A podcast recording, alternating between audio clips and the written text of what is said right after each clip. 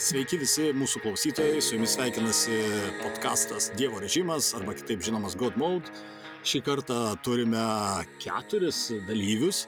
Tai yra Arvidas Žemaitis, Sveiki. e, Simonas Vitkūnas Labas. ir Artūras Rumensevas. Labas. Na ir aš, Andrius Jovaiša. Šiandien mes bandysime tokį galbūt daugiau tokią blitz laidelę padaryti, nes turime du žaidimus, kuriuos norim aptarti. Jie yra gan švieži ir tikrai sulaukia visai nemažo dėmesio. Gal pirmasis tai yra Weird West. Jis, jis vertas dėmesio aptarti turbūt dėl to, kad yra gan įdomus, nes yra toks westernas, okultinis westernas, galima sakyti. Ir tas jo settingas toks savotiškai falloutiškas ir tas va okultinis westernas tikrai geras miksas, įdomus, turi galbūt šiek tiek trūkumų, bet aišku visą tai aptarsim vėliau. O antras žaidimas yra Tiny Tinas uh, Wonderland. Wonderlands, tai čia kaip čia Borderlandsų atšaka kažkokia galima sakyti. Spin-offas. Spin-offas, taip, tai visi, kas žaidė yra Borderlandsus, tai turbūt nėra abejingų jiems ir, ir nėra turbūt netgi tokių kažkokių neįsėrių didelių dėl Borderlandsų. Visi, visus nuginkluoja tas humoras ir ta savironija, kurią turi tas Ne, aš žaidimas. manau, vis, visakame mes rasim neįsėrių.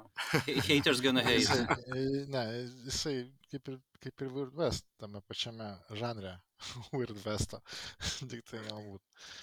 Ai, tu jo toks, nu, jo, Tiny Tina, Borderlands, jo, teisingai, čia toks Jisai nuo pat pradžios ir buvo kaip prasme, westernas toks, taip Nu, sakant. Toks, jo, Mad Maxo, galima sakyti. Tai labai labai panašus žaidimai iš tikrųjų. Emociškai, atmosferiškai. Tai gerai, gal pradėsime iš pradžių nuo Weird Westo, e, kurį aš esu žaidęs, e, tik truputėlį padipinau, e, bet kažko valdymas nepatiko, vis tiek aš jau senas esu, ta reakcija, su reakcija prastai, muscle memory prastas, tai, tai kol kas jį atidėjau, bet tikiuosi, kad vis tiek sugrįšiu, nes e, Simonas... Dota žaisti. Jo, jo. Bet aš, aš taip vis tiek, žinai, ži- žiūrint į ateitį, turėčiau tokią švelnę atsargę rekomendaciją, Andriau. Jeigu sakai, padipinau, tai nesakyk, kad senas. Vienam sakiniui. Kažin kas dipina. Į šitą gal neįsim čia After Hours laidai skirtas pokalbis bus, dabar galim tęsti apie žaidimus. Tiesiog Safe for work. Nuo, pra, nuo pradžių griebė jauti už žuvų, aš negaliu. Prunkštų jų čia. Tai va, tai, bet už tai Simonas e, yra gerokai giliai pažaidęs šitą žaidimą ir visgi tu sakytum, kad jis tau patiko. Aš sakyčiau, kad jį verta pabandyti. Gal ne, ne, ne tokia netvirta rekomendacija. A, Man rodos labai priklauso nuo santykio su Arkane darbais, e, nes Mhm. pati ta studija, kūrusi Weird West, jinai e, buvo suburta žmonių išėjusių iš, iš Arkane studijos, Arkane, kurie na, žymų su, su savo Dishonored serija, su, Mhm. su Prey. Um, ir tai labai jaučiasi žaidime, bent jau man, Mhm. mhm. uh, iš, tiek iš to, kaip uh, kuriamas pasaulis pats žaidimo, tiek iš to, kaip žiūrima į veikėjo laisvę ir veikėjo galimybę kažką tame pasaulyje pakeisti. Uh, tai turbūt čia būtų pat- pats pirmasis rodiklis, kaip, kaip mm. tas Weird Westas uh, patiks ar nepatiks. Um, nežinau, kaip, uh, kas tau su kontrolsais nelabai patiko, man įdomu būtų išgirsti iš tikrųjų, nes man asmeniškai tai va, turbūt pats pirmas dalykas, ką verta pasakyti apie, apie tą žaidimą, kad jisai, na, na toks lyg ir pozicionavo save kaip immersive sim, ar ne, Mhm. mm. tas toksai įpėdinis tų, e, to žanro, tokio su, su gilia istorija ir, ir dideliais vardais tame žanre, bet jų tokia, nežinau, inovacija, kiek, kiek e, iš to, kad e, reikėjo kažkaip suvaldyti na, žaidimo dydį pakankamai mažai komandai, jie perėjo iš pirmo asmens, jie perėjo į tą tokį top-downinį Mhm. mhm. variantą, kas man asmeniškai labai, aš jaučiau, kad man rankas atrišo mhm. tame, tame, tame žanre veikti, nes kad ir kiek man patiktų tie imme- immersive simai, aš visą laiką tokia turėjau paranoją, žvalgyti savo per petį, gal kažkas ateina, gal kažkas mane iš šono, iš, gal kažkas netaip kažką praleidau ir, ir, ir ta laisvė, kurią suteikia tas paukščio skrydžio Mm. paž- žiūros taškas, jisai, nežinau, leido man ir, ir, ir, ir šaudyti taikliau, man rodos, ir, ir slėptis geriau, ir, ir toj situacijai susigaudyti ir nuspręs, ką aš tikrai noriu daryti ir, na, kažkokį tą tikslą pasiekti. Jo, jo, aš galbūt man labiausiai tai turbūt kišo koja tai, kad a, aš jį žaidžiau kaip komandos, o neturėjau pauzės tos, ta prasme, kurią galėčiau sustabdyti visiškai, buvo ten yra tas lėtinimas taip, laiko. taip, taip. O man norėjosi tarsi susiplanuoti viską ir visą laiką įsiraudau ir mane su, sukapoja, nes aš tipo, nu, ne, nesuvaldau situacijos, tas e, sulėtintas laikas, nu, tas bullet jo. timas, jis yra vis tiek per trumpas ganėtinai. Jo. Ir aišku, gal reikėjo biški pakočiot patį, patį personažą, gal būtų, būtų geriau. Jo, gal aš šiek tiek užbėgau už akių, gal šiek tiek apie patį žaidimą. Tai Jo, jo, jo. žaidimas, e, žaidimo veiksmas vyksta, kaip jau minėjai, a, tokia westernė su labai stipriais okultiniais tais elementais. Ten vos ne už kiekvieno kampo yra koks nors e, Kultas jo. monstras, kultas, ko- kažkokios keistenybės, e, kažkokie kei... Paranormalu. Jo, paranormalu, bet paranormalu. Uh, 20 amžiaus pradžios. Mums paranormalu, bet ten normalu. Ten, ten, ten labai normalu ir niekas ten labai daug nemirksi, matydamas tos, tos visus keistus įvykius, bet, e, na, tas visas miksas, e, iš kur ta, ta, nežinau, paranormali mitologija ateina, jisai toksai gana keistas, nes ten yra ir, ir vilkolakiai, ir juodoji magija, bet tuo pat metu ir indienų kažkokia, indienų tai yra, nu, Nu, Native, čia buvo, Native taip, Americans. Native Americans. Taip, net e, jų kažkokia mistika ir jų dievybės demonai ir tuo pat metu ten vos ne kaip, kaip moksliniai eksperimentai, ten Mm. žmonių ir gyvūnų kažkokie hybridai kuriami. Ta- Toksai, na, labai sunku užčiuopti, iš kur tiksliai e, kiekvienas ta detalė atėjo, kas ją įkvėpė, bet visam tam pasaulyje žaidėjas e, valdo penkis skirtingus veikėjus, a, kurių visų istorijos tam tikrais būdais persipina, na ir yra viena kažkokia tokia e, viską šešta istorija, Taip, taip. kur, kurią, kurią tu pamatai labai nedideliais gabaliukais, Mhm. mhm. labai mažais interpais, na ir galiausiai žaidimo gale viskas susipina, su- sueina ir, Taip, ir, ir na, nežinau, turbūt nespoileris, Ne, ne, kad, kad gerai. e, paaiškinama, kaip, kaip kas ir kodėl ten. Uh, tai jo, ta, ta, tas aspektas žaidimo irgi toks gana įdomus, kad uh, tau leidžia turėti ne vieną pagrindinį veikėją, o kelis ir tavo pagrindiniai veikėjai po to pasaulį gali vėl susitikti, Mhm. e, tu su jais gali kartu keliauti, gali mm, tęs- tęsti ir jų istoriją tam tikrą prasme. Mhm. A, tai va čia toksai gal, gal uh, unikalesnis dalykas. Bet a, ką tu sakėjai dar apie tą bullet time, a, Taip. grįžtant, grįžtant prie to atgal, a, tai man kažkaip pasirodė, kad, kad vėlgi ta, ta immersive sim a, žanro tokia a, fantazija, kad tu gali ateini į lygį ir gali iššaudyti visus, gali ten prasliūkinti ir kažką vieną ten pasmaukti, arba gali, nežinau, suplanuoti kažkokią labai a, tų mechanikų ir tų sistemų kažkokį domino efektą, kad taip. kažką padarai, tada kažkas kitas įvyksta, tada atsidaro tau kažkoks galimybės langas, tu ten gali Čia Kaip Dar def, kažkaip deflupas kitaip. kažką tokio padarė. Jo, jo, Deflupas irgi turbūt ta, ta, irgi iš, iš to paties uh, katilo i- iš, išgriebtas žaidimas. Tai va, tai uh, nors atrodo, Weird Westas turi tą tokį pažadą, kad, na, tu galėsi ten ir sliūkinti ir, ir, ir, ir panašiai, ir kažkokius kurti uh, netikėtus emergentus, tos tokius scenarius pats iš Mhm. savęs žaidimo metu. Bet jisai, bent jau man tai labai smarkiai nulinkęs į tą Action. tą action pusę. Jo. Jisai toks uh, action žaidimas, kur dėl įvairovės kartais gali, Jo, lyg ir pasėlinti. jo, kartais gali ir pasėlinti, nes visos tos sistemos, uh, Mhm. kurias turi tavo veikėjai, kiekvienas savo veikėjas turi um, beros tris ar keturias, man rodos keturias tas uh, uh, tokias special abilities, nu, Mhm. kas Dishonored žaidė, tai, tai, tai, tai žino apie ką kalba eina.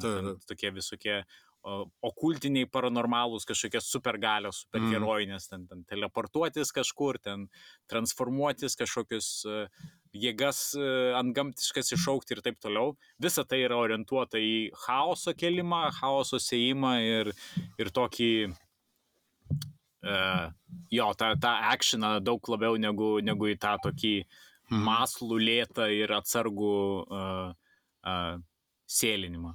Jo, jo, tai va tas turbūt ir man irgi biški užkliuvo, nes aš iš tikrųjų kaip ka- komandos norėjau jį žaisti, nes iš tikrųjų ten slenki aplink tą kažkokią encampmentą, bandai tipo susižiūrėti, kur ten jie vaikšto, jų takus tipo matyti, bet, bet e, vis tiek tų visų cues yra per mažai, kad galėtum tiksliai nu, sustiguoti tą savo ataką, kad ten vieną nuknetskinai, tada paslėpi kūną ir tipo, eini toliau išlėtų, nes, nes jie gan, gan vis tiek chaotiškai viskas gaunasi ir galiausiai paskui įsiveli, tai tave nupila, nes būni tokį hybridinį polimą padaręs, nu, ne, ne, ne, neapgalvojęs jo kaip action polimo, apgalvojęs Jo, jį kaip jo, sėlinimo polimo, o Jo. gauni paskui per, per galvą už tai.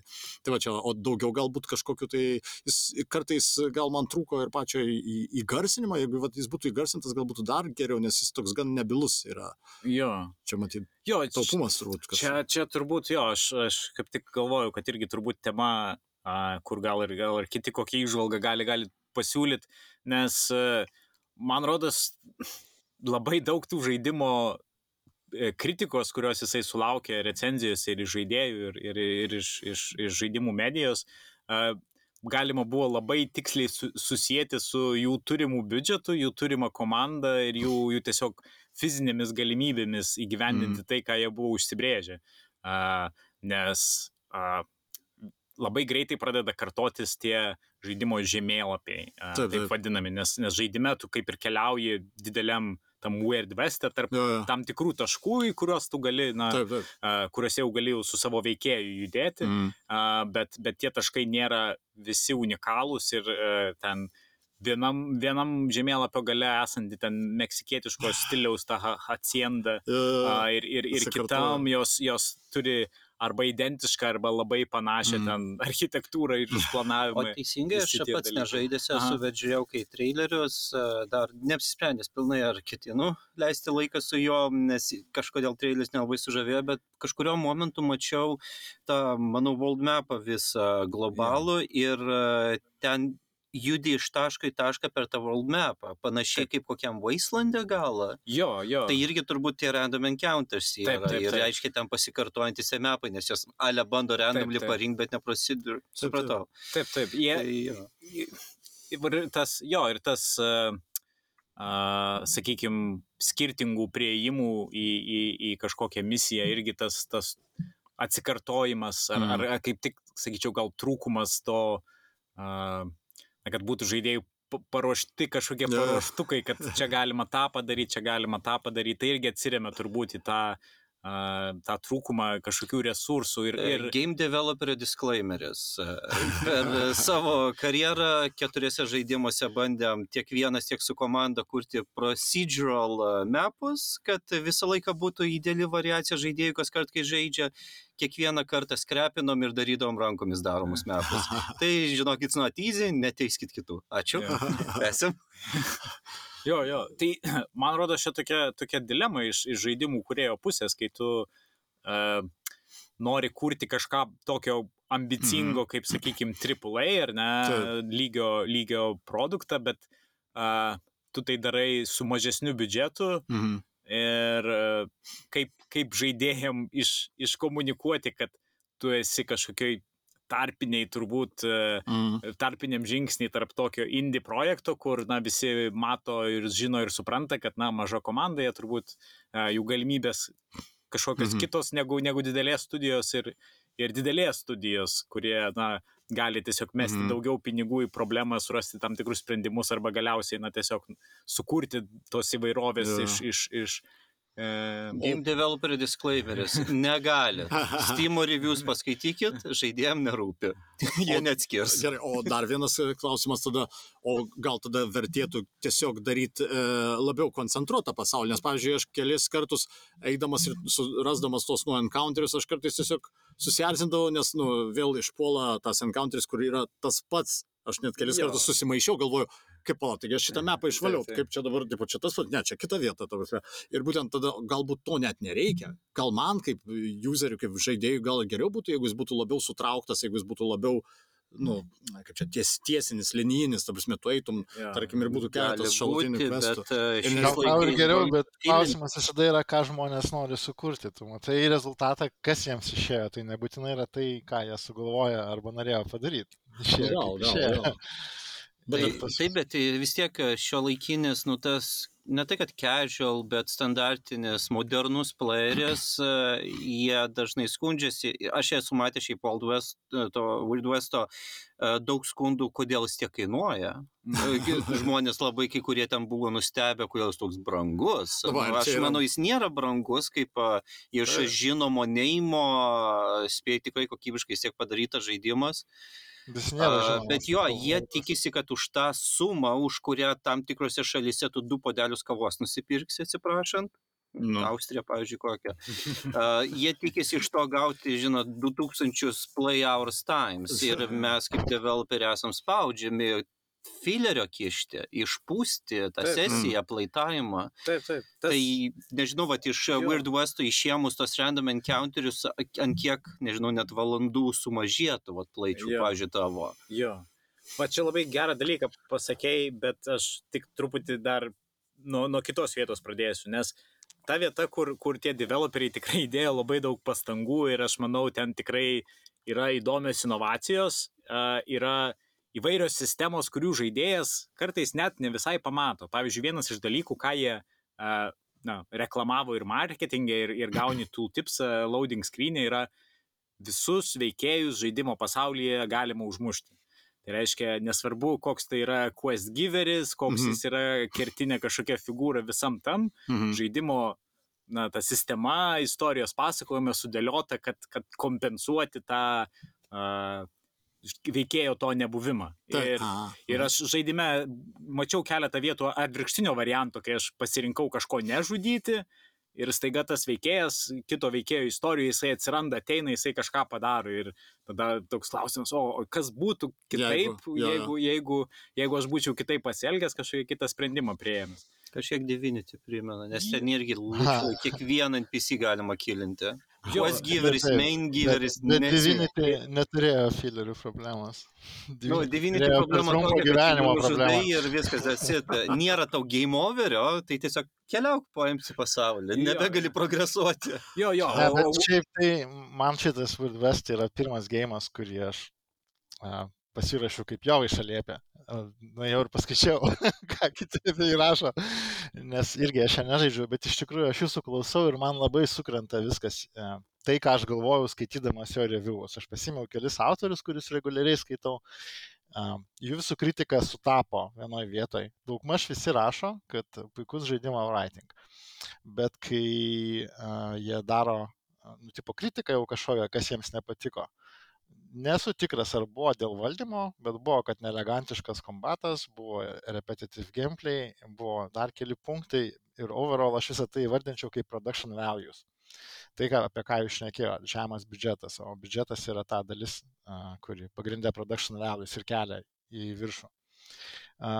Bet šiaip man susidarė įspūdis, kad čia yra, mes ateinam žaidimų industrijoje į tą etapą, nu, e, aš įsivaizduoju, kad tai jau galbūt senai vyksta, bet mes turbūt vis daugiau to matysim.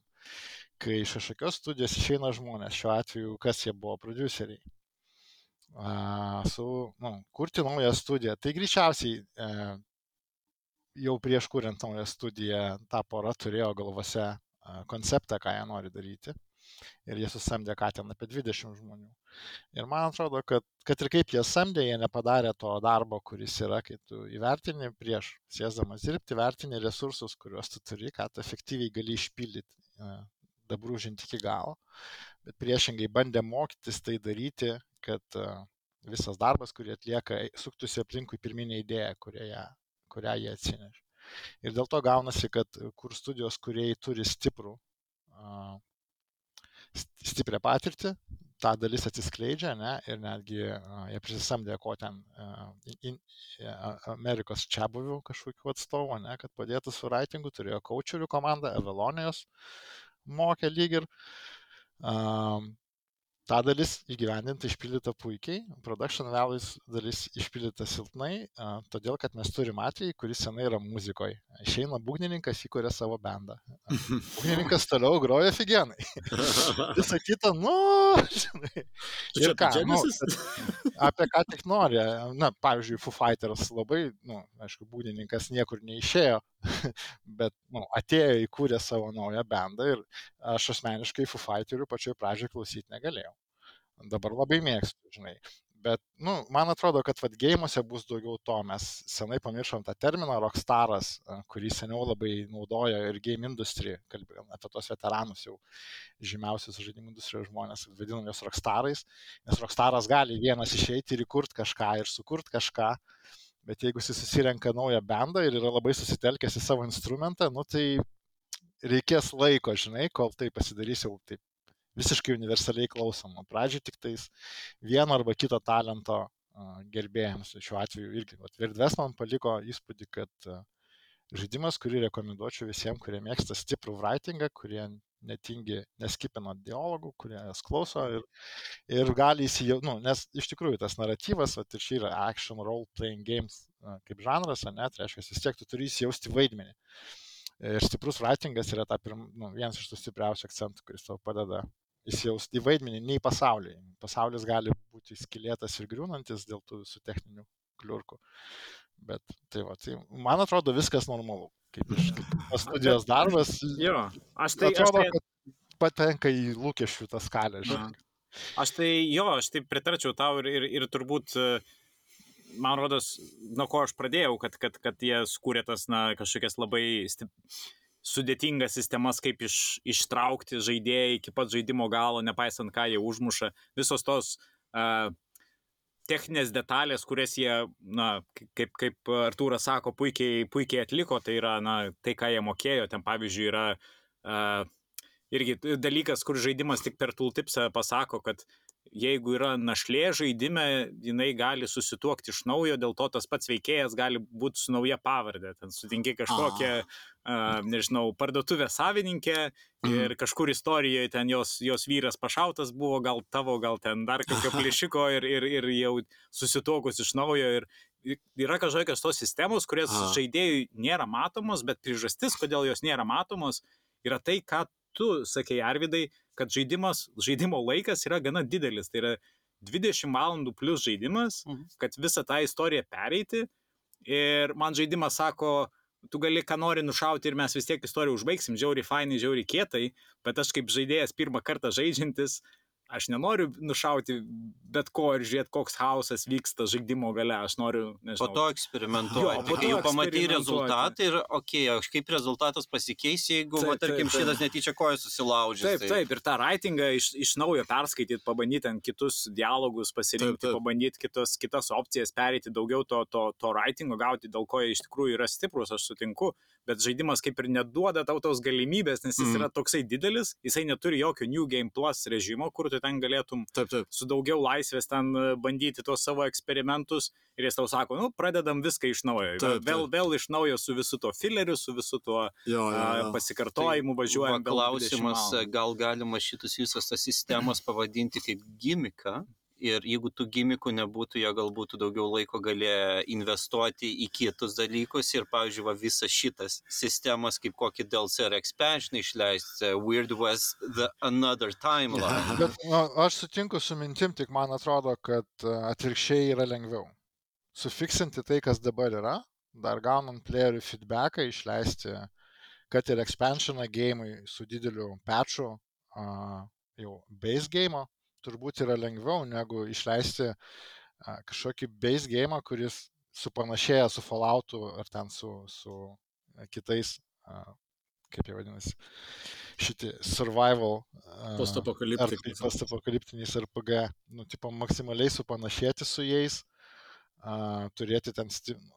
Tada gautųsi turbūt tiesiog, man atrodo, kad tokiuose gėjimuose, jeigu jie sutvarkytų kombatą, tai daug dėmesio būtų kombatui, neerzintų netgi pasikartojantis išdėstymai lygių, jeigu kombatas būtų nepriekaištingas.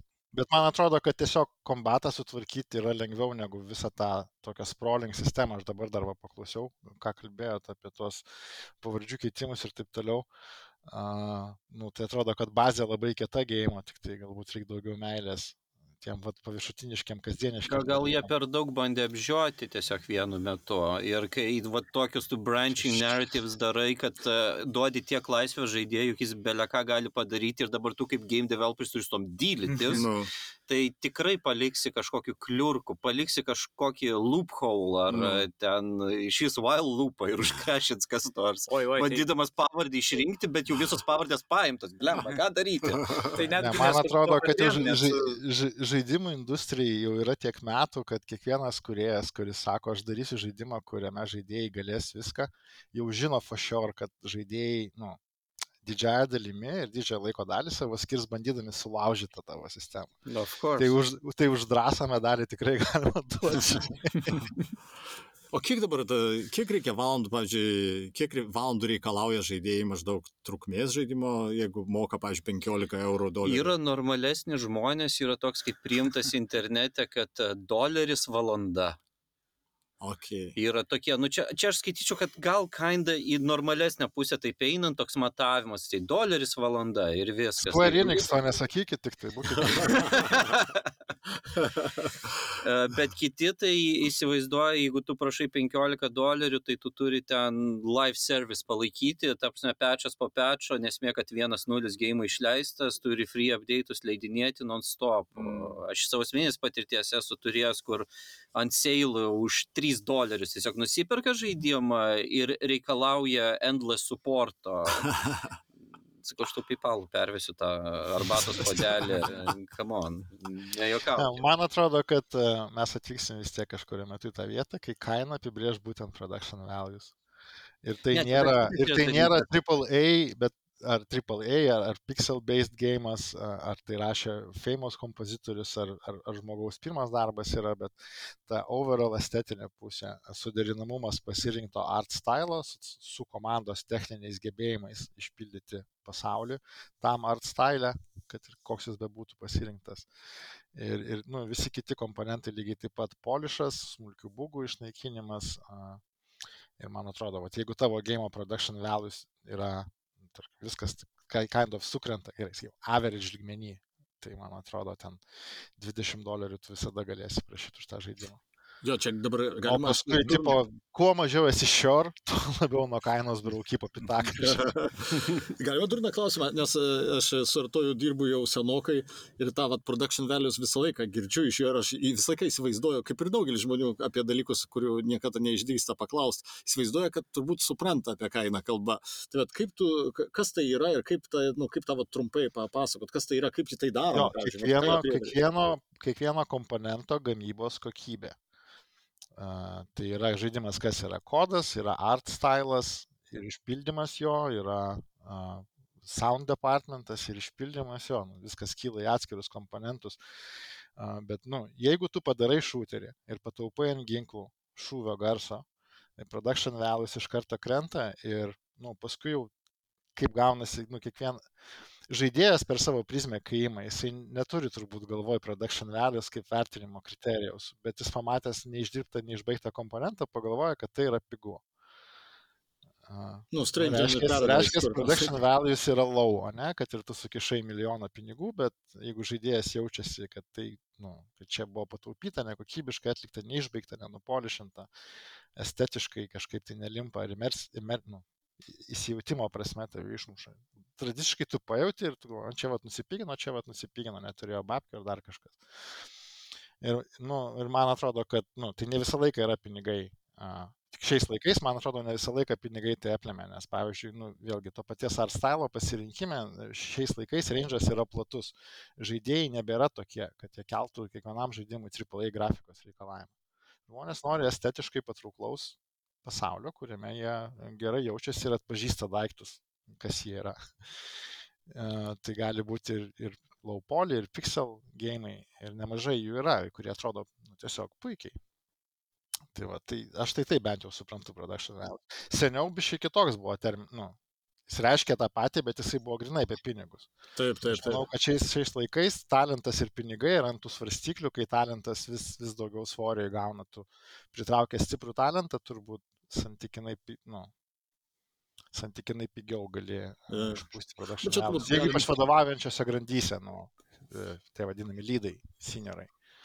Bet čia dar turbūt galėtų veikti ir tai, kad iš tikrųjų šitie, uh, tai iš tikrųjų net ne, ne pinigai, o laikas, visai, nes talentas jis neteina taip tiesiai. Nu, tai laikas ir kaip pinigai, man atrodo, gimdevė yra vienas ir tas pats. Jo, jo. Man Tai atrodo, nebeliko tenais. laiko- e, pasižiūrėti, uh, nu, visus galus suraišyti, ar neskiriu, tu Arvidai. Ne, Diskutuokit, tai ten dar yra, turbūt, ne, ne, dar, yra, dar, yra, dar yra toks niuansas, kaip, pavyzdžiui, darbo kultūra, žinai, nu, pavyzdžiui, Rusija, netgi jeigu investuoja stipriai į production, Rusija, sakau, nu gerai, rytų Europos žaidimų kuriejai, tad plačiau galima PC. jeigu investuoja į, į, į production values ir turi didelių išpūstų biudžetų žaidimus, a, kaip taisyklė, tai dažniau turbūt atsiriamė į tai, kad komanda yra didesnė, bet e, tiesiog pačioj kultūrai pas juos to dapjovimo produkto iki galo nėra. Jeigu jūs esat žaidę kada nors rusišką žaidimą, kuris išėjo ir on launch buvo nepriekaištingas, tai papasakokit komentaruose ir kur nors. Aš tokio žaidimo gyvenime nesu matęs.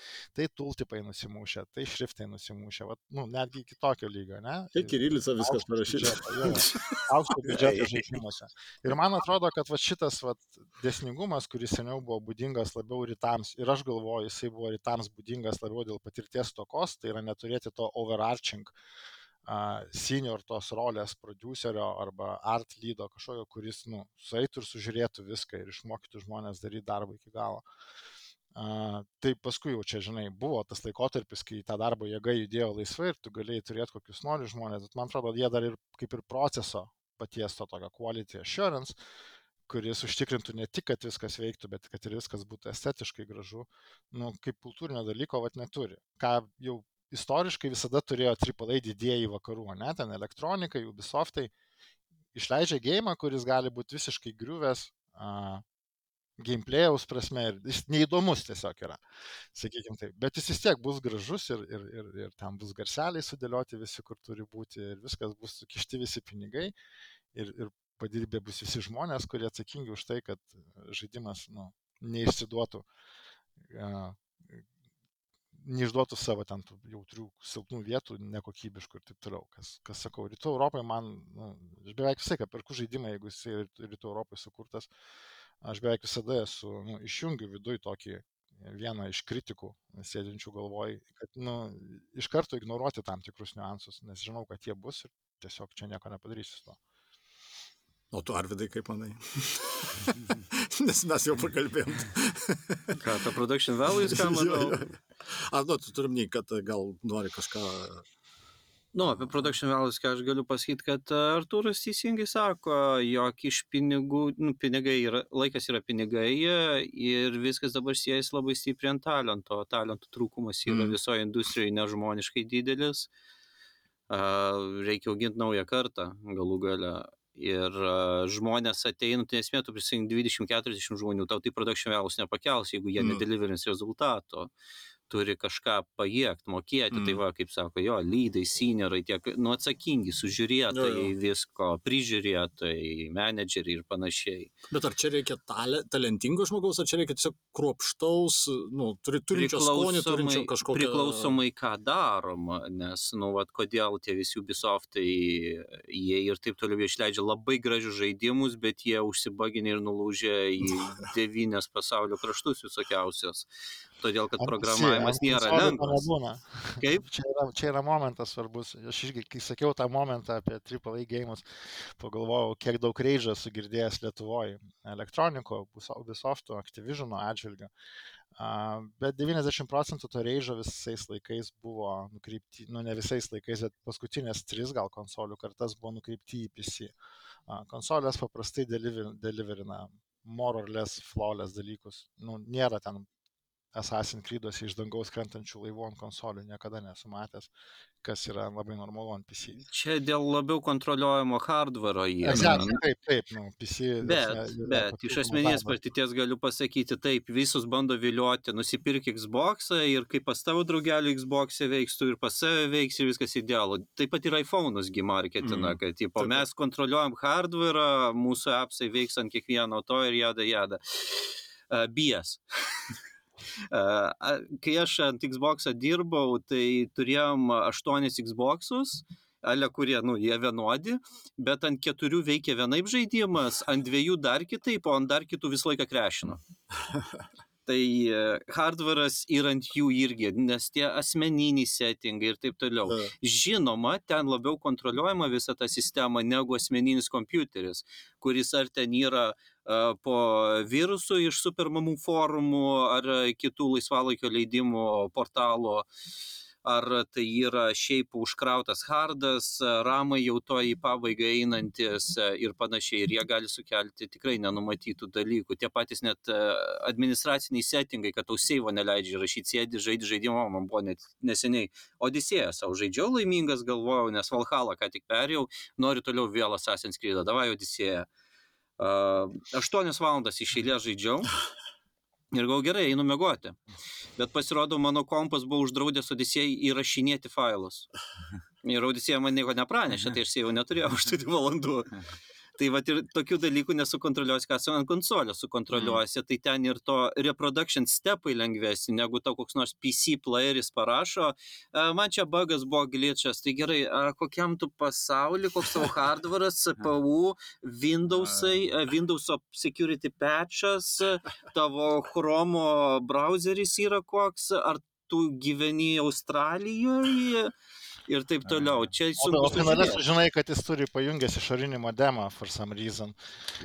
Ir todėl niekas pas jį neveikia. O čia šiaip apie Australiją geras kairis. Aš esu girdėjęs e, mitą apie bagą, kuris tik Prancūzijoje reprodusuojasi. Dėl e, ten kažkokio mėnesio pavadinimo prancūziškai, kuris turi kažkokį vieną specifinį simbolį, kuris ten Taip. kažkur sistemoje yra ir tada ten sąveikaujant su, su operacinė sistema žaidimui kažkas nepatinka Jo, ir viskas blogai. Pas mane kažkada buvo, aš GTA 4 žaidžiau ir jis man krešino non-stopų. Krešina, krešina, krešina, nežinau, kas man užėjo, aš tais laikais formą naudotis negalėjau, bet sumašiau ištraukti vieną stiką ramo. Ištraukiu nebekrešina. Tai ta prasme, nu kaip tu debuginsi tokį dalyką, išsiaiškinsi kaip developeris, pasakysi, "A, mm, have you tried turning it on and off again? A, gal ramus ištraukiu tiesiog? Ne, bet tai įsivaizduoji, praktiškai labai gerai jau iš, kad kompiuter buildą nebeleidžiam šiais laikais. Kiek daug papildomų stepų atsiranda, žinai. Nes seniau tai buvo pabandyk ištraukti elektros laidą ir įjungti kompiuterį. Aš Ne, neberašyčiau. bet aš šiaip pilnai pritariu Arvidui, ką jisai sako. Uh, tai bet vis tiek tas pirminis statementas jisai lieka valid, kad, nu, gerai, konsolės vienoje kartoje gali būti 8 versijos arba 12.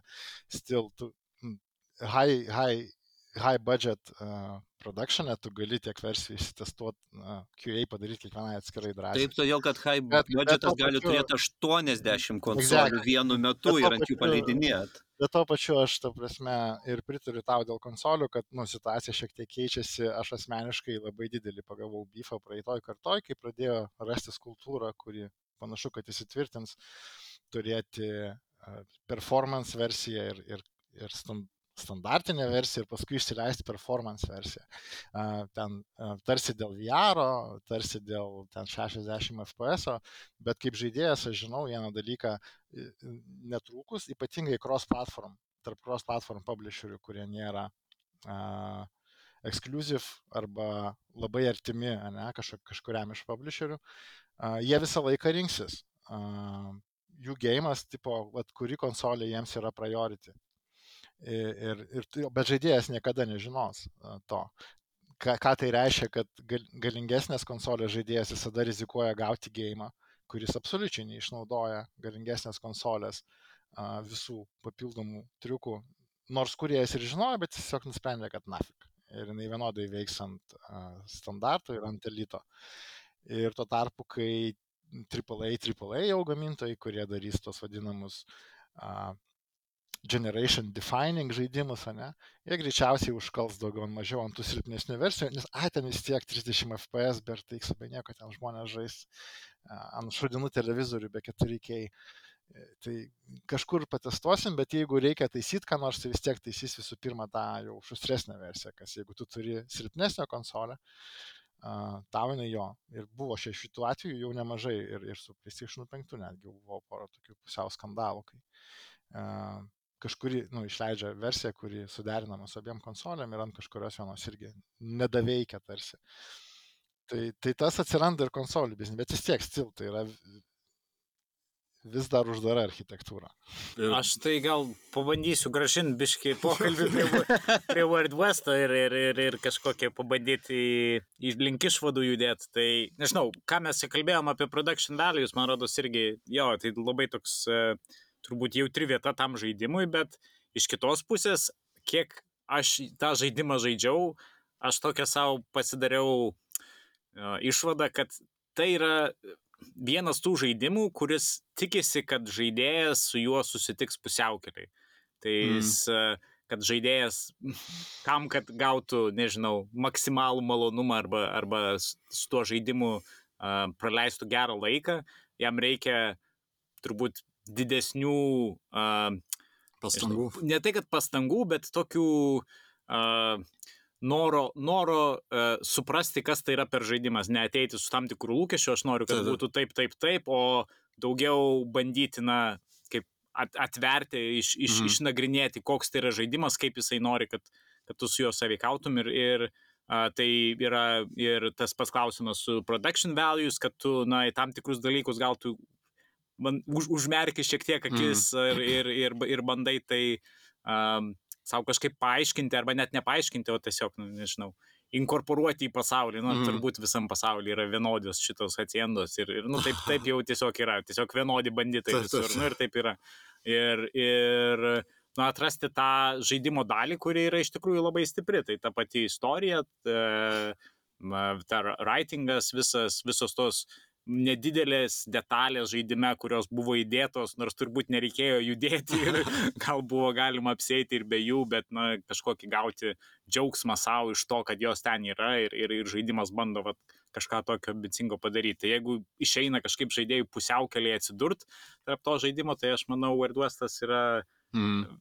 visai taiklus šūvis. Jeigu ne, jeigu yra tam tikri lūkesčiai iš žaidėjo pusės, tai tikrai ne, nebus visiems. Jo, Aš jo, gali būti, gali būt, kad jo, ir mane tas e, ir paveikė tas, kad aš savotiškai jau kažkokias klišės jam buvau uždėjęs ir tada jos netitiko tų klišių ir aš tada tarsi pasimečiau, ai laiko nėra ir tada išdegė. Tai čia, bet aišku, čia turbūt ko gero visą laiką tas yra ta rizika greitojo vartojimo tokia. Na ką, ir dabar turbūt... e, Aš tai sakyčiau, man iš Simono šito apibūdinimo labai labai patiko, vat, nes a, man atrodo, kad vat vis tiek yra senai užsivėlusi diskusija, kas yra indie kaip dalykas ir visi ten ieško apibrėžimo, a, nors a, jau tuose visose senuose apibrėžimuose į tos freimus telpa jau ir indie, ir ne indie. Nu, ir man tai visai, kai indie buvo tarsi, tarsi kultūrinis aspektas labiau negu biudžetinis ar kažkoks kitoks. Visą kitą tarsi natūraliai e, sutampa su to. Jeigu nori daryti meną, tai tu neturi pinigų, žinai.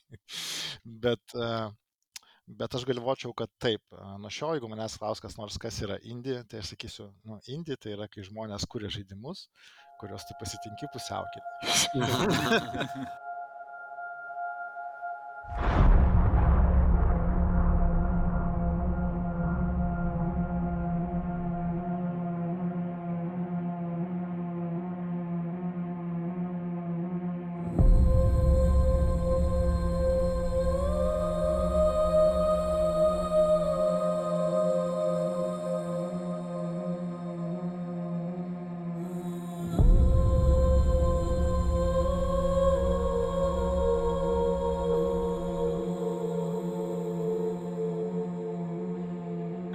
dabar turbūt einame prie antro žaidimo, tai Tiny Tinas e, Wonderland.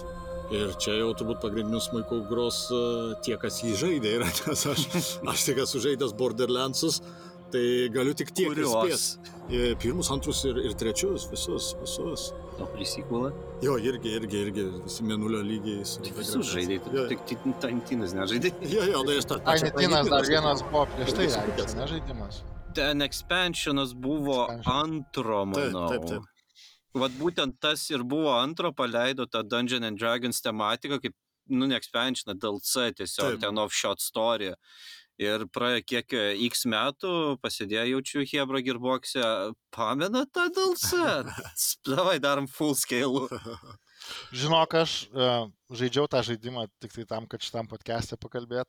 Uh, nebūčiau žaidęs, kažkaip aš jį įjungiau ir jis mane atstumė lengvai.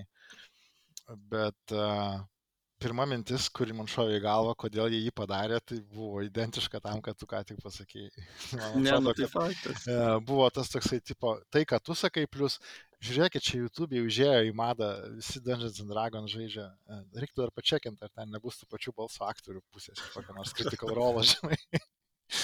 Bet man atrodo, kad žiūrėkit, čia trendy dalykas, let's go.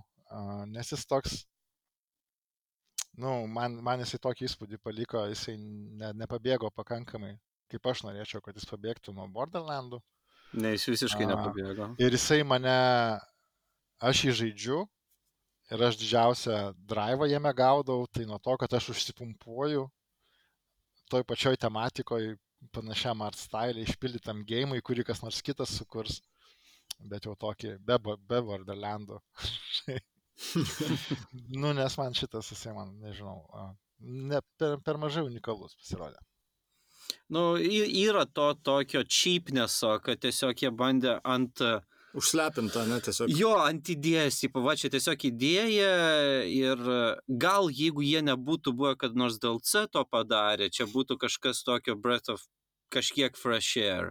Bet dabar tai atrodo kaip tiesiog praeito Borderland expansionas ir net nepasakyčiau, kad ten kažkokiu extra feature'ų buvo, mhm. papolišinta truputėlį. E, Visa idėja įdomi, istorija gal lackluster a bit, veikėjai kai kurie įsimintini, trumpokas, Mm. bent jau man asmeniškai, O kiek valandų maždaug? oi, Čia, neskaičiau. čia reikia tais doleriais nu, kaip- ne, jisai kaip visi Aš manau, Borderlandai savo turi- dolerių aš iš jo neatgavau. Ne, ne, jisai kaip visi Borderlandai turi uh, average to high replayability value. Bet aš visus player. side questus dariau turiu Ne, ne, ne, omeny. ne, aš turiu galvoj ne single playeriui, bet tiesiog atsikimštalau su draugais, dviese, tryse, pataškyti didesnius bosus. Nu, visi Borderlandai irgi, nu, Borderlandai, tai aišku, jie apskritai jos kaip, vos ne kaip Deblo žmonės komanda, nu, Jo, jo, nes lūto. Nu, čia loot ir shooter Taip, yra. taip. Jo, tai gal šitam aš, aš jo tiek daug nenuėjau iš tikrųjų, kad, kad ten būčiau sutikęs jau labai kažkokių stiprių bosų, kur pagalvočiau, kad būtų cool partneris. Uh, Kad kopų žaistų čia iš, iš principo jo, aš, aš žinau bent kelis draugus, uh, kuriuos, kuriuos, kuriuos nudžiuginčiau padovanodamas tai gimtadienį arba tiesiog sutardamas, kad jie nusipirka, mes salaus pasiemę pataškom. Uh, ten geras humoras. Geras gunplayus. Unfortunately, turiu galvoje, aš norėčiau Stave and Sword playaus, kažkokių tai naujų dalykų, ne, ne, ne tų pačių ginklų. kaip Pabandyk spausti. V. Aš nežinau, kas yra V, aš su konsolė žaidžiu. Ne. tai gal ten iš to Nei edition V, Nei V, išimtas. nei, nei Z ant mano konsolės nėra. Tik tai O. O, o. nu, Patriotas, reikia keyboardus dabar truputį patvarkyti. O tai Tainitinas yra visiškai toks pats looter shooter, ar jie biškinu nu... Looter shooter. a, Lūtų šūter pagrindinis yra tai, kas erzina turbūt tai man labiausiai. E, Jo, būna taip, kad e, iškrenta ir tada eini, bandai, jie nelabai turi kažkokio padaraus komparisono, inventorius toks pat klankiai likęs kaip ir anksčiau. Ypač labiausiai erzina, kai eini, bandai parduoti itemus į vendorių ir visą laiką misklikini kažką. Viskas resetinasi, tada eini buyback, fine, atsipirksiu atgal. Bet jo, kadangi to nėra tokio normalaus kompero, paprasčiausias langas tiesiog va tavo equipped, va tu žiūri šitą itemą ir viskas. Ta- O ten bando kažką su pop-upais daryti ir sunku atsirinkti, kas tau geriau yra. Mm. A, tai jo, iškrenta kažkas, pamatai šviesytę, rerity, o gerai, davai, žiūri ant ekrano kažkoks pop-upas, ten bandai į tas strelytės. Čia geriau ir blogiau ir dažnai būna uh, weaponas vien žalios strėlytės pasiemi, nu bet ne, jis neturi to special modifierio kažkokio, dėl kurio tu mėgai praeitą. Tada eini apskroni pro inventorių vėl visą, kad susigražinti. A, Jo, Kitas fan dalykas, nu tai jo, jie spelus įdėjo, visi veikėjai gali spelą turėti ir šiaip klasių ir labai daug ten jokingų pavadinimų, berserkeris, tai ten warrioras, s- ice magic naudodamas, e, ten koks šrūmų menceris, bet grybą turi. Aš asmeniškai už jį gerai pamenu pavadinimą spell shotą žaidžiau, nes gal, nu gerai, aš einu į šitą ir tu spell shotas. aš nežinau kodėl. Aš, atrodo, mano tada priežastis. pasirinkimas buvo. Nu, kadangi mano priežastis, nes aš einu į Borderlandus, aš Borderlanduose jau atsisėdėjęs X jų žaidimuose, čia yra spin-offas, tai davai fully, lendam į tai ir būna magas. Mm. Spell shoto vienas unikalumas yra tai, kad jisai gali equipinti du spelus, kol kiti, e, visi kiti veikėjai gali turėti vieną spelą ir savo ultimatą. Jisai savo ultimatą tiesiog pakeičia į antrą spelą, tai Mhm. ten gali kairę, dešinę, kairę, dešinę varyti. E, Spelų šiaip įdomių buvo, nežinau, kiek tu, Artūrai, ten privarėjai.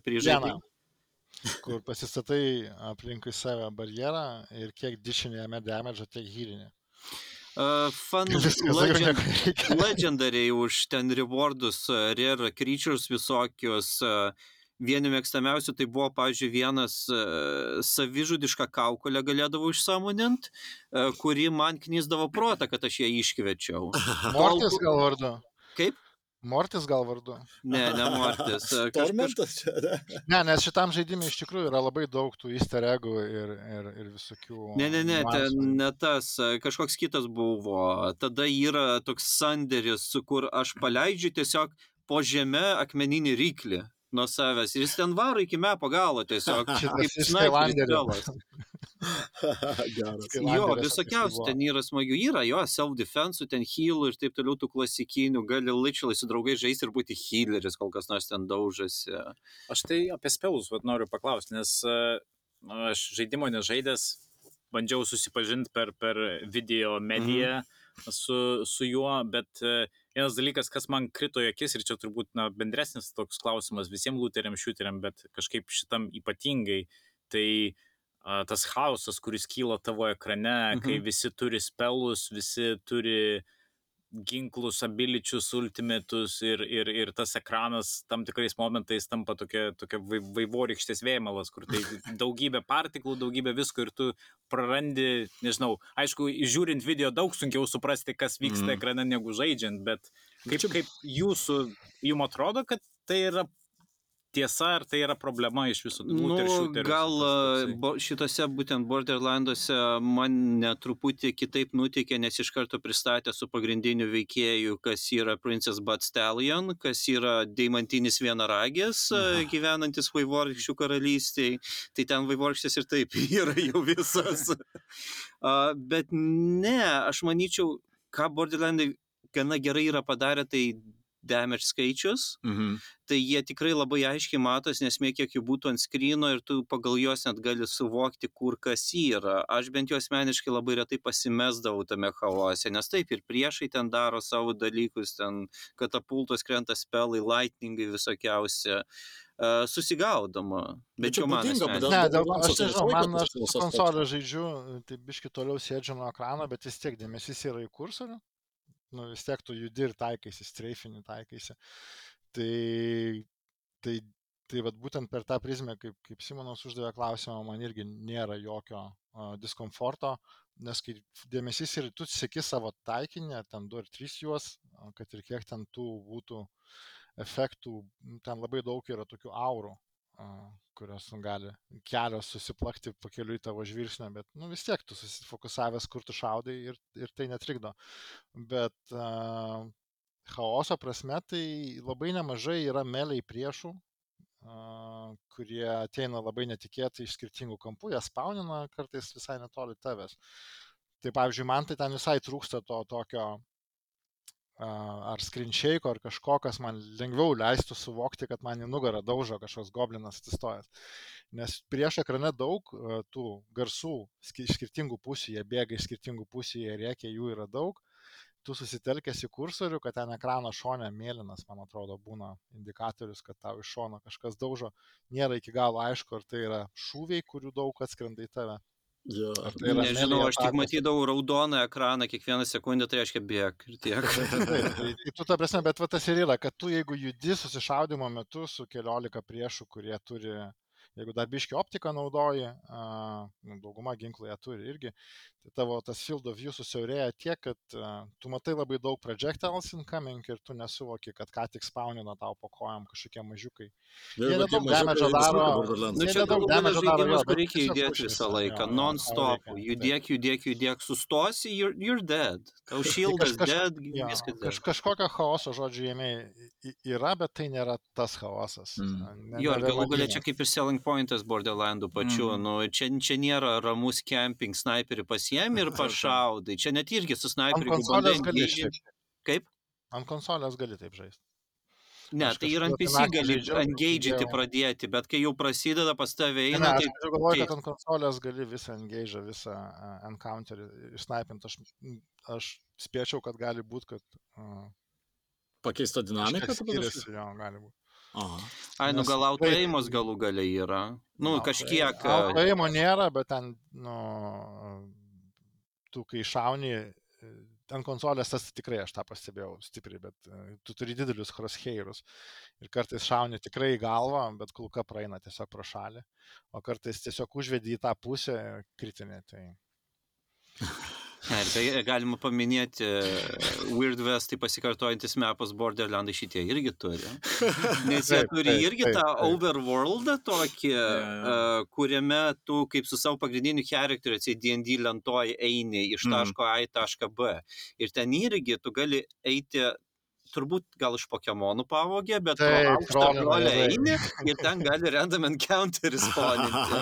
Ir tose random encounteriuose aš kelis kartus pamatęs, čia ta pati zona. Čia ta pati Visai zona, gal priešai kitokias spawninas, but the same thing. Mm. Aišku, jie, pada, jie gal pagalvojo, ar gal per kokį beta testing, ne beta testing, o player testing gavo feedbacko, tai tu eini, eini, tu pradedi pamatyti partiklai tokie renkasi, riekiant kad to random encounter spawnysis, tu gali trenktis, nu, kai tiesiog ir e, jisai dinksta. Tarsi vat, e, čia ir yra, vat, aš galvoju, kalbėsim podcast'e, tai aš paklausiu tavęs, kaip, kaip tu tai traktuoji visą tą overworld mapą visų pirma.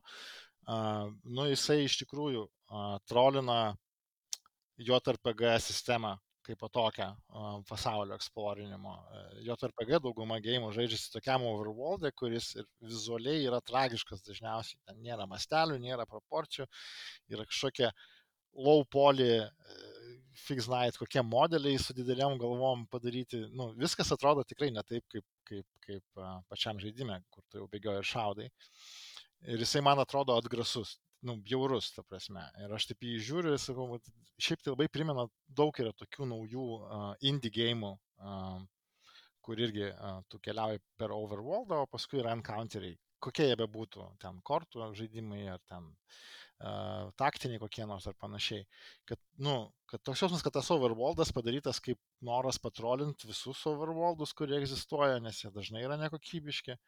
Ir tada tas pats aukštos žolės uh, encounteris kaip Pokemonų, toks kaip trolinimas, gal dėl to ir arenos vienodos, nes Pokemonuose jos vienodos. Iš serijos žiūrėkit, va, kai jūs uh, žaidžiat ir ryjat kiekvieną dieną, kitoje aplinkoje net nesusimastot, koks tai šūdas yra, bet va, dabar įdėsim tai į Borderlandus, kad jūs iš karto matytumėt. Tai jo, Man gal toks pa, pa, įspūdis. patrol, ne tai, kad patrolino, pa, padarė parodiją, leido pažaisti, bet iš karto davė funkciją, kad atsikratyk to nuisanso. jo, jo, ir, nu, ir plus tenais tas, um, tas mepas naudojamas story progresijai ir bent jau kol kas, kiek aš jį žaidžiau, tai netrodo, kad tas mepas kištusi, jeigu tu jo netontinė tam. Nu, tipo, tu nu, gali Ne, nueiti nuo nesikiša. A į tašką B be jokių ten random encounterių, be nieko, net nereikia bešinti nieko. Nesikiša, bet e, kai vandenyną nugalėsi, tada truputį su to mepu problemų bus. Aš nežinau, ar aš grįšiu prie to žaidimo dar. Nu, tai aš tiesiog sakau, kai vat, jo.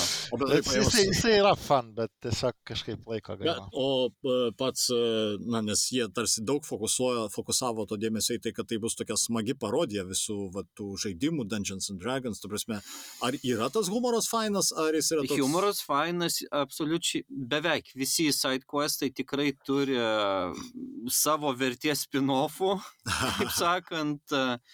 Bet kad jie parodijuotų konkrečiai patį Dungeons and Dragons, aš labai labai silpnai tai patyriau. Mm. Vienintelė parodija buvo didžiausia, tai manau, Arturas irgi yra tą prieš, čia nebus spoileris, bet vienu momentu žaidimo pradžioj prieinama prie vartų ir kaip žinot, pilis turi tos drawbridges, kur nusileidžia tiltukas e, Taip. prie varto. Ir o jis užrakintas, ką daryti? Tai a, iš, greitai prieš istoriją. Visas žaidimas vyksta, lyg mes žaistume Dungeons and Dragons ir mes žaidžiam už tą veikėją vidų. Ir mes turime du konsultantus, taip sakant, air quotes, kurie mums padeda žaisti, pasiūlo, ką daryti ir irgi ten story questus daro. Ir Dungeon Master, of course. Tiny Tina turim. A, Nu, žodžiu, diskutuojam ten trysia, a, ką daryti, ką daryti mūsų veikėjas, žinai, su kitais. a, Uh, let's try seducing it. ir tipo roll for seduction.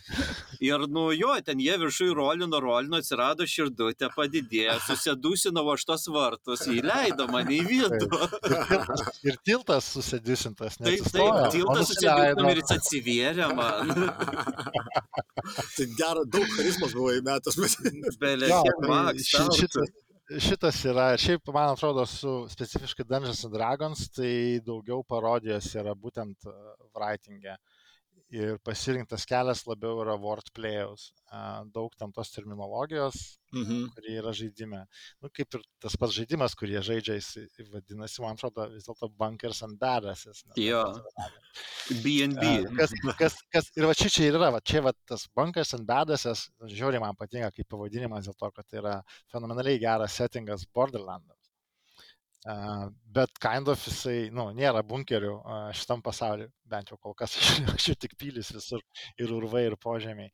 Tai, tai va, tai kažkaip į pasaulį tas nepersiteikė, bet ant tokio writingo tai yra ten, nu ir uh, trolina, ant tą pačią Tiną irgi, kai sakė, uh, va, tau C4, sakė, nu klausyk, žinau, kad tau patinka sprogmenis, bet davai, nu, tipo, kažką tai sugalvok. A, gerai, gerai. Va, imk Fantasy Force. ok, visiems tik.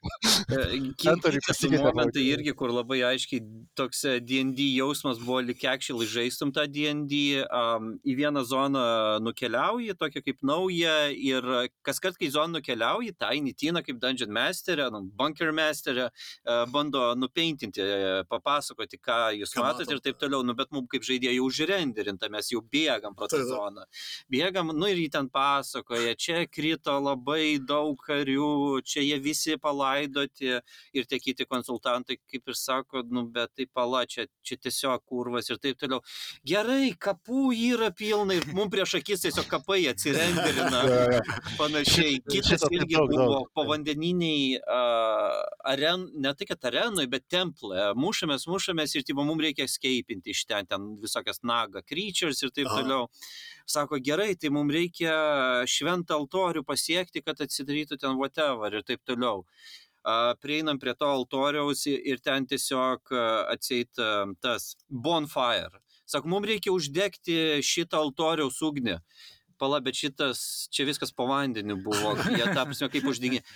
Jums reikia uždegti altoriaus ugnį. Sako, tai pala, kaip jie uždegdavo ugnį. Sako, nu tai...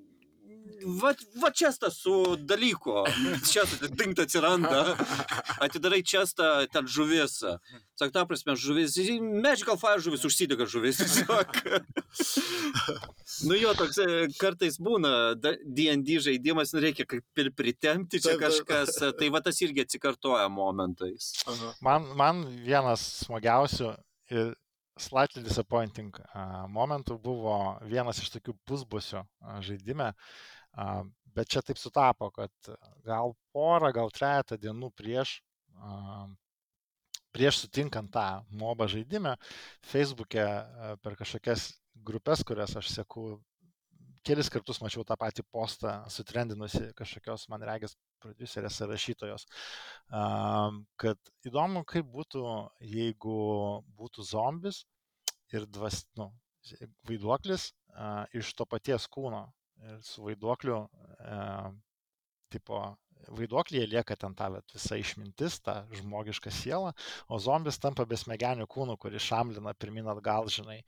Come on, John, you koks- were an koks- koks- accountant. Koks, koks, būtų, koks būtų įdomus jo tipo niuansas, jeigu tas vaiduoklis ieškotų savo zombio, žinai.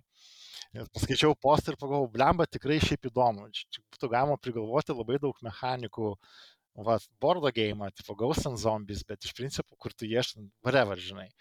Ir tipo vos net kitą ar dar kitą dieną sutinku tokį veikėją žaidimą, kur yra dvasia.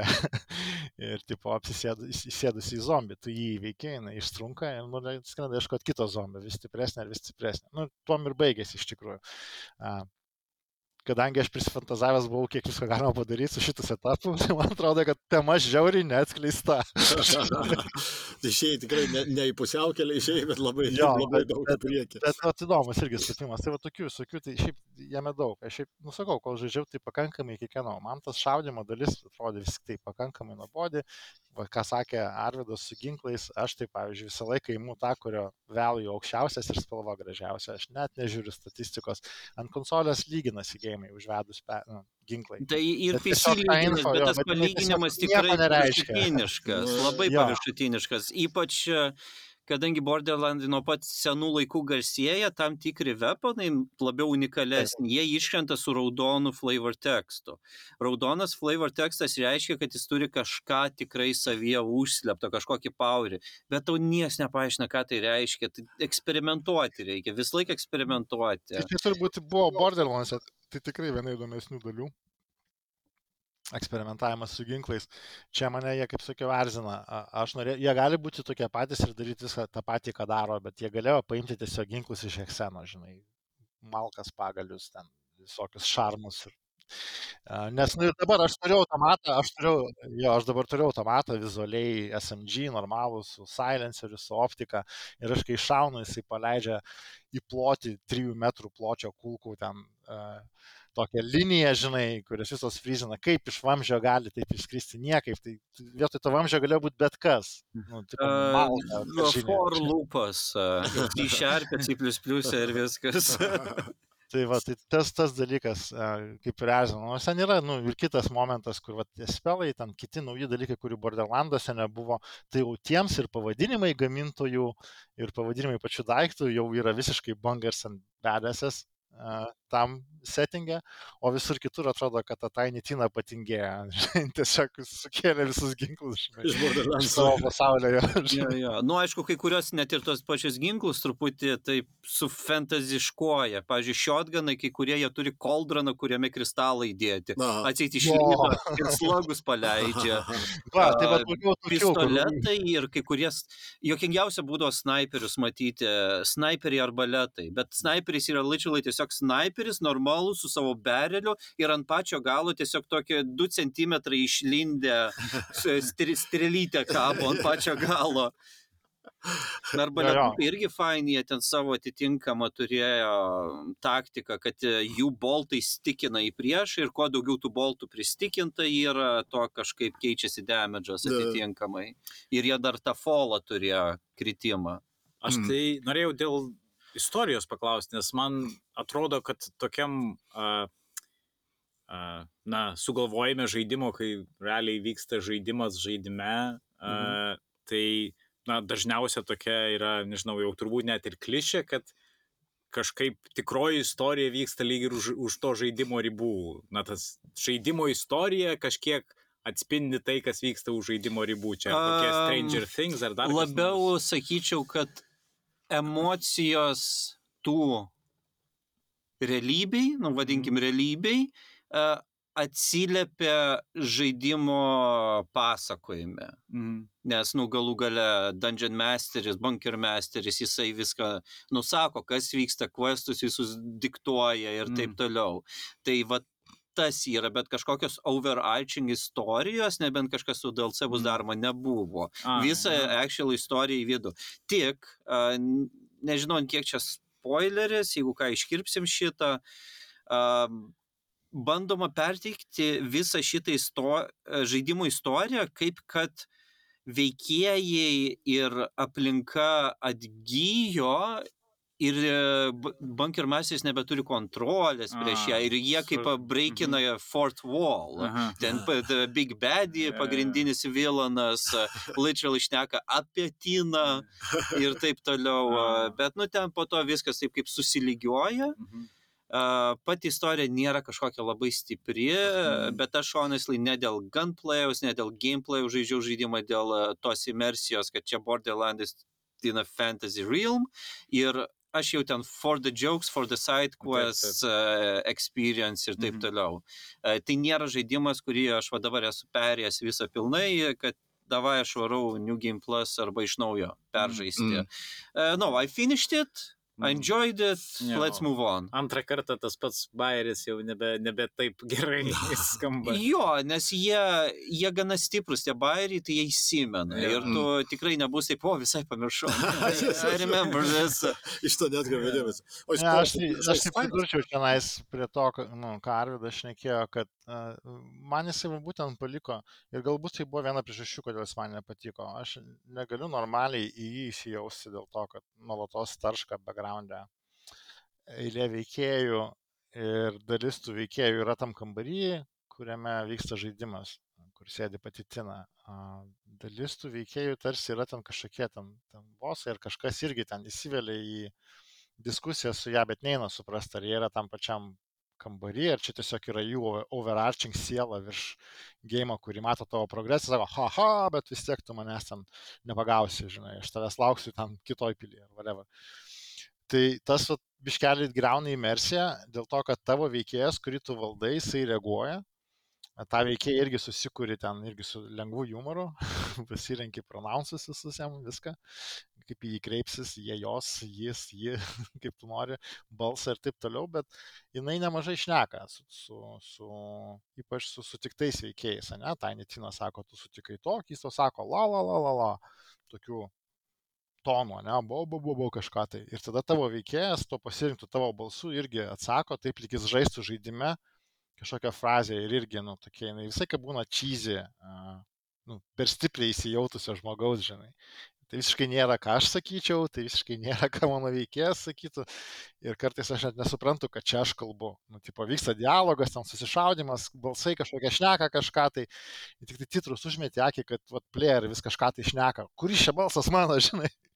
Tai man toks, man jisai, sakau, jisai iš tikrųjų, prasme, yra dalykas, kuris buvo žaidimų industrijoje vienu metu labai stipriai prasidėjęs ir paskui pranyko, tai va tas va scary movie stiliaus va, žaidimų parodijos, ne, kur, nu, va, kaip scary movie, ne, visus siaubo filmų parodijos. Tai buvo Simpsonų žaidimas toksai, a, buvo dar keli tokie gėjimai, kur, nu, a, kurie specifiškai parodijuoja kitus gėjimus. A, tai va šitas irgi yra tos kategorijos, jisai taip ir žaidžiasi ir kaip, kaip parodijos filmai žiūrisi, taip šitas žaidžiasi. Jisai. Nu, Aš pritariu Arvidui, kad aš tai manau, kad mechaniškai jisai turi aukštą replayability value, bet pritariu Arvidui, kad būtent dėl šito elemento, kad jis atrodys nuobodus, pasikartojantis ir nejokingas, gali būti, kad nu, tas replayability value lieka tik tiem, kurie jį žaidė dėl to, kad jiems šaudyt patiko. Arba kopų norėtų antrą kartą Nu, perėti. taip, taip, taip, taip, taip. Gal į kopo iš viso ir pirmą kartą reikėtų eiti? Mm, Nebūtinai Nu, sakyčiau, nes e, bus vienas, e, vienas iš e, draugijos e, norės toliau tęsti, kitam nepatiks, e, arba Ne. neturės laiko, kitas nori savo istoriją kuo greičiau išgirsti, bet dabar Taip. reikia planuoti. Mm. Aš manyčiau, kad šitokio tipo žaidimus reikia praexperience single player'e, kad tu Jo. gautum savo visą fullą Mm. ir O tada varyti koopų, gal net ir po kelių metų, ką nors introducinti, kas nelabai norėjo, dabar žiūrėk jau seilai, nukritusi Jo. kaina, davai iššokam pasižaisti. Mm. Nu, tai Ir tada man tu nesijausi blogai, jeigu nustosi, tarkim, vidury gėjimo arba trečdalio gėjimo pažaidė ir, Taip. ai, draugelių nebepatinka, Na. arba ten, žinai, jie gimė vaikas, reikia pabėgti dabar ir panašiai. Mm. Šiaip įdomu, va čia gerą mintį užmetį, reikia bandyti eksperimentą padaryti, nes vaikai matė, kaip žaidžiu, atrodė, kad susidomėjo biški, nu, grinai dėl vaizdo ekrane, ką, ką matė, kaip atrodo gėjimas. Bet patys jie va, tik dabar atranda koop gėjimus iš naujo. Kai buvo vaikai, tai tik koopus žaidė, bet paskui ten jų skoniai įsiskyrė ir jie jau senokai žaidžia kiekvienas savo gėjimus, gan skirtingus. Bet šitas atrodo abiem patiko ir jisai turi split screeną. Uh, jie ką tik perėjo ten tą No Way Out ir uh, tą kitą It Takes Two. Jo, tai vas, užrodysiu, va įdomu pasižiūrėti, kaip lips, nelips, nes jie kai gyvena vienuose namuose, jiems lengviau susistiguoti tą, kada jie žaidžia ką. Tai sakyčiau, kad galbūt tokiam scenarijui jisai. Va bus įdomu pažiūrėti. Nes anos gėjimus tai uh, No Way Out tai vienu prisėdimu pračiukai perėjo. Uh, nu, ne, ne vienu, dviem, bet still. Tai ką, tai šiandien galbūt ir jau apie Tiny Tinas daugiau ir nėra ką pasakyti, turbūt e, gražiai čia mes surezumavom. Tur... Nu, labai daug ką ten šnekėti ir nėra. Mm. Gėjimas padarytas, valio. E, Bet vienas ką dalykas, jį kai kurie žmonės teisingai ir neteisingai ne tai, kad lygioja su Elden Ringu, bet uh, jie, pris, jie jį nori paminėti kaip tokį dalyką, kad uh, parodyti industrijai, jog single players aren't dead. Nes Tiny Tina tikrai pardavė labai daug ir Aha. reviewsų gerų gavo, savo visais minusais ir pliusais. Mm. Ir taip pat tas Elden Ringas parodė savo, savo galimybės kaip single playerinis gėjimas ir kiek daug visko susišlavė. E, Išmušė Artūrą po Elden Ringo, tiesiog užfryzino. Kodėl? Ai, ne, jis, Jis juda. toks balaras įsijungia truputėlį ir toks sėdi, tiesiog mm, viskas. Do not Ne- compute. Giliam, giliam nepritarime. Yeah. Ne, aš tik dėl to, kad jis tai single playerinis gėjimas, kuris tikrai, nu, daug pardavė ir jisai... Ne, aš aš- manau, kad, jisai, aš manau, kad Borderlandai kaip franšizė turi a, pakankamą fanbase, kad jie galėtų daryti, ką nori, a, as long as it feels like Aš manau, jie ir įrodė, kad galim daryti, ką norim. Va, tavo arbaletas, pistoletas, e, spelas į ranką, varyk. Nu, Ne, nu, ten yra tokie, žinai, kaip, kadangi sakau, tu pradedi žaisti ir tau reikia jį kažkiek žaisti, tai taip, įvertinti tą Zelda-like pasaulį šūteriui, a, nu, nes turi labai daug to breath of windiškumo tas settingas. Ir, tai prasme, tu jį įsijungi ir žaidži, jis yra fun. Jis nėra, jis nėra extraordinary, jis nėra labai blogas. Jo, aš irgi nepajaučiu kažkokio didžio praradimo, kai aš jį baigiau. Tiesiog, cool, baigiau.